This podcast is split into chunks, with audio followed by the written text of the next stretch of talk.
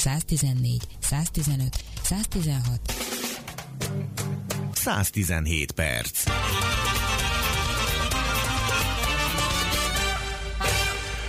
Többször foglalkoztunk az elmúlt egy hónapban a Magyar Természetidők Szövetségének azzal a nagyon izgalmas felhívásával, amely azt a címet viseli, hogy életigenlő társadalmat és gazdaságot. Számomra még külön rokon szenves, hogy a társadalmat előre veszi a gazdaságnak, el, elébe veszi. Egy kiáltvány valójában egy petíció született, amit elkezdtek aláírni nagyon sokan magánszemélyek, szervezetek, és ennek több fejezete is van, és ezekről a fejezetekről a Magyar Természetvédők Szövetsége csütörtökönként néhány hét héttel ezelőtt elkezdve elindított egy online konferenciát, szemináriumot, párbeszédet. Jövő csütörtökön, mert holnapra már nem mertem ilyen hirtelen mozgósítani, de jövő csütörtökön ennek a felhívásnak, amely négy fontos területet ölel magába, ennek a, a negyedik témája lesz napirenden a gondolkodás és az erkölcs megújulását, és mindegyik összejövetelen, de ezen különösen nagyon izgalmas és nagyon tiszteletreméltó vendégek vannak, akik kifejtik a véleményüket.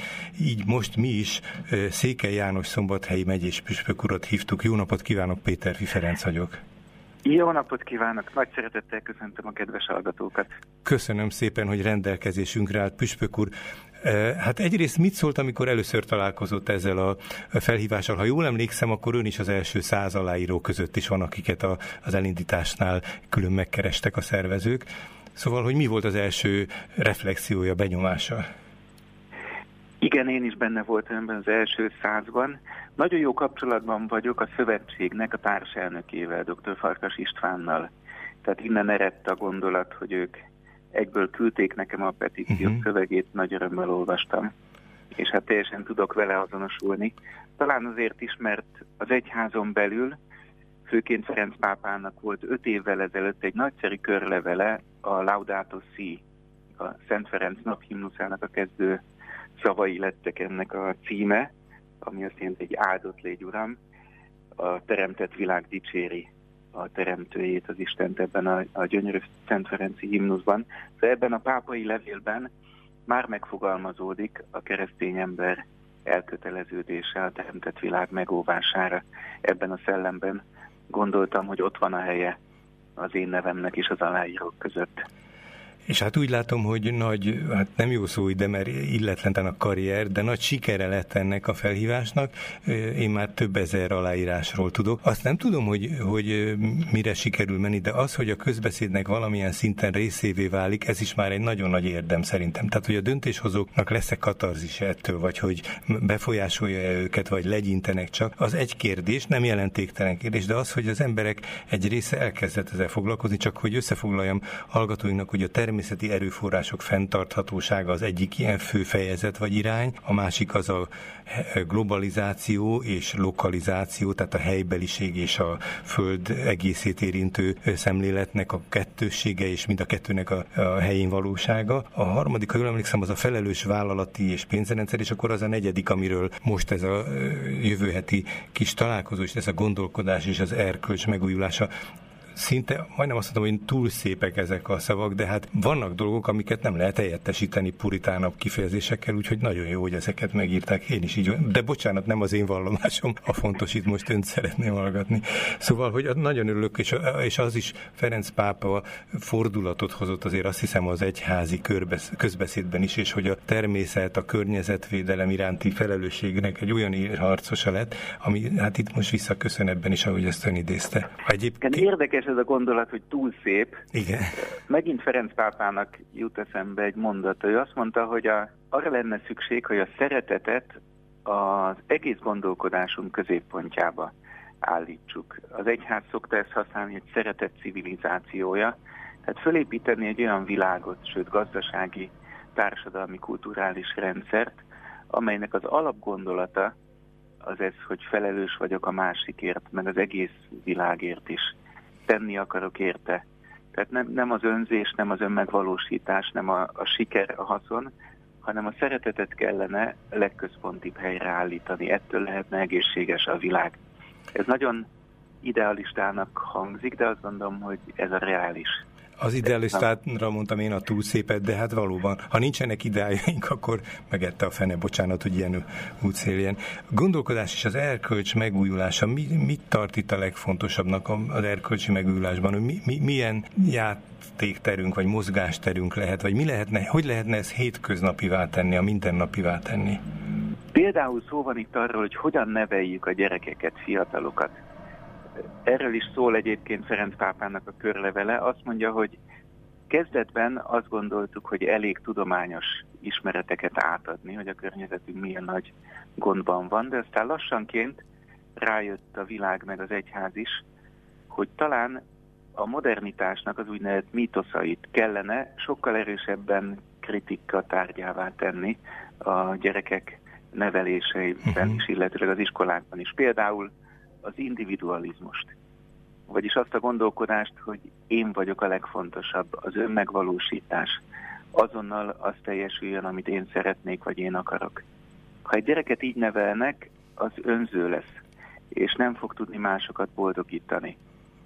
Vagy egy másik ilyen modernitási mítosz a korlátlan haladás a gondolata, amely elfeledkezik arra, hogy a Földünk véges, és az embernek nem mennyiségi növekedésre kéne törekednie, hanem valami mélyebbre, igazibbra, minőségi uh, élet kibontakozásra. Vagy a verseny, a, a korlátok nélküli szabad piac, ahol mindenki megküzd.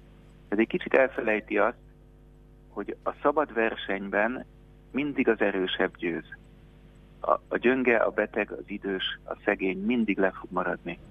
Ez a gátlástalanok az erősek társadalmát építi. Ráadásul, haragudjon, talán nem szól közben, de hogy a, a nagyon korlátlan, vagy nagyon szűken a versenyre fókuszáló magatartás, pedagógia, meg egyáltalán a közállapotok is, azok az együttműködést félretolják, miközben a legizgalmasabb és a legnagyobb versenyeken is néha olyan emberi gesztusokat látunk láthatóan a világsztárok, hogy viszonyulnak egymáshoz, miközben tudni, hogy, hogy valaki betol valakit a maratoni verseny végén, és ő a második lesz, csak miközben lehagyhatta volna, és hát számtalan ilyen, ilyen példa van, ahol a, az együttműködés az, az valahogy perifériára került ebben a kettőségben, a, hogyha a versenyt és az együttműködést állítjuk párba, miközben közben valószínűleg mind a kettőnek van létjogosultsága. Volt egy gyönyörű jelenet egy paralimpián, egy kisfiú szellemi sérült, meg kicsikét a, a járása is nehéz volt, indult versenyfutásban is. Hát zseniálisan futott, ahogyan beért a célba, mindig magasra ugrált, sikoltozott örömében. Uh-huh. És jött a döntő futam, eléggé rosszul hallotta meg a rajtpisztolyt, és nagyon gyengén indult, de utána teljes erőből futott, mindenkit hagyott le, lehetett látni, hogy megint ő lesz az első. És amikor az utolsó fiút előzte le, aki előtte volt, annak a lábai összeakadtak, nagyon csúnyán elesett. És a kisfiú futott-futott boldogan, csak egyszer csak megállt. Visszament, fölsegítette ezt a társát, és ketten mentek be a célba utolsónak. A stadionból mindenki fölállt és megtapsolta egészségesek olimpiáján ilyen nem szokott történni. Az a beteg gyerek azt tudta, hogy mit jelenthet a tehetetlenség, a szégyen. Vagyis az igazi emberi érték az nem, nem a győzelem, hanem a szeretet mélyebben van. És azt gondolom, hogy társadalom, ha csak erre fókuszál, hogy siker, profit, én legyek legfölül, akkor lassanként az emberiség a szívét veszíti el. Nem erre születtünk, hogy küzdjünk mások ellen, meg gyűjtsünk önmagunknak, hanem arra születtünk, hogy szeressünk, alkossunk, adjunk, építsünk. A versenyes világ az egy ilyen piramisszerű világot képzel el. Mindenki törekszik a célra.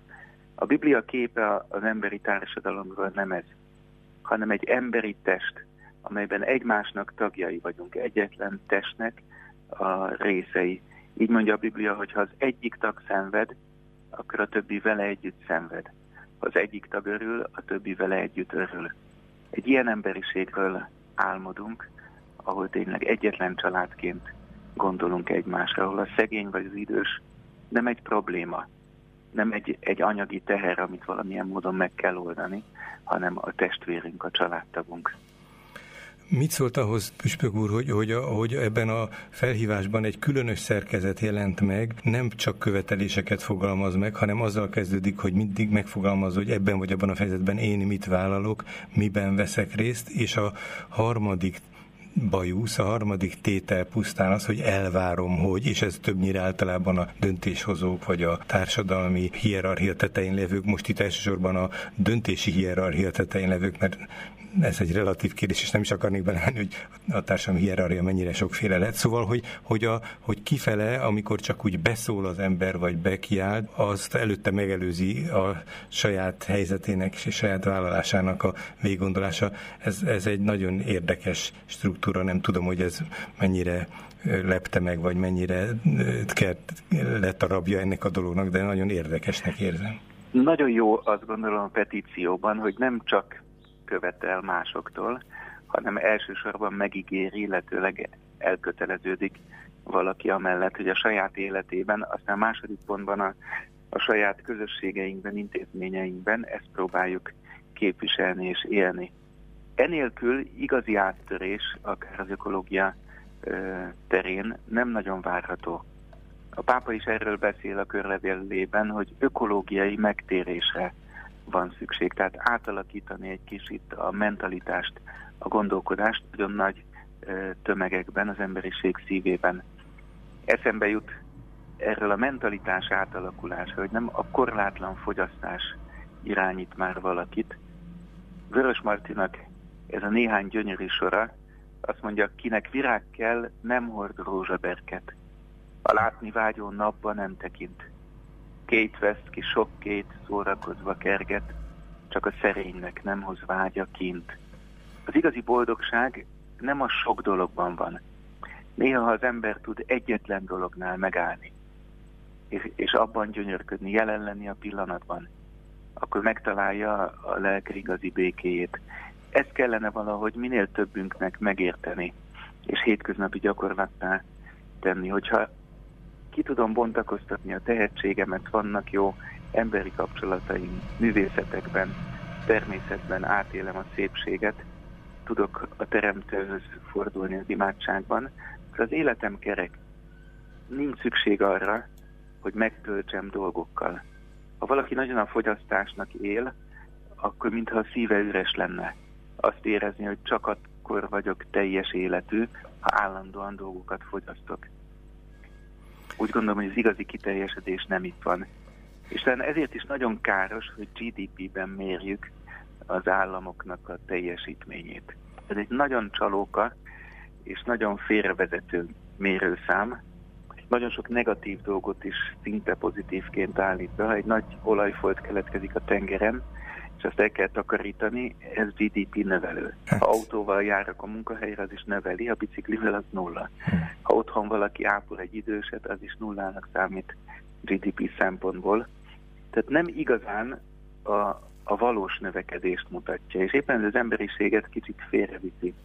Nagyon izgalmas ez is pont, amit a fogyasztásról mondott, hogy nagyon komoly erőforrások dolgoznak azon, hogy még többet fogyasszunk, hogy még harsányabban. Ezért is örülök annak, hogy most beszélhetünk is, hogy a mi szolidabb és puritánabb erőforrásunkkal egy másik dolognak, egy másik értékrendnek is hangot adhatunk. Az elmúlt percekben Székely János szombathelyi megyős püspök úrral beszélgettünk.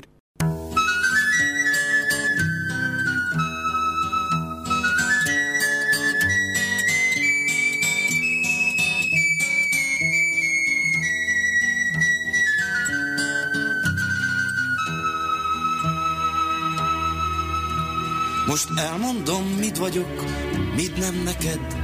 Vártál, ha magadról szép éneket, dicsérő éneked, én nem leszek. Mi más is lehetnék, csak csönd neked. Ez szó jó, csönd vagyok, csöndet vagyok.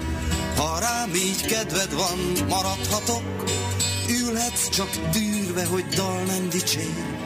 Se jel, se láng, csak csönd, melyig ígér. S folytatom, mit vagyok, mit nem neked. Ha vártál lángot, azt nem lehetek. Fölébem hajólást, hamu vagyok. belőlem csak jövőd jósolhatod. Most elmondtam, mit vagyok, mit nem neked. Vártál, ha magadról szép éneket, dicsérő éneket én nem leszek. Mi más is lehetnék, csak csönd neked.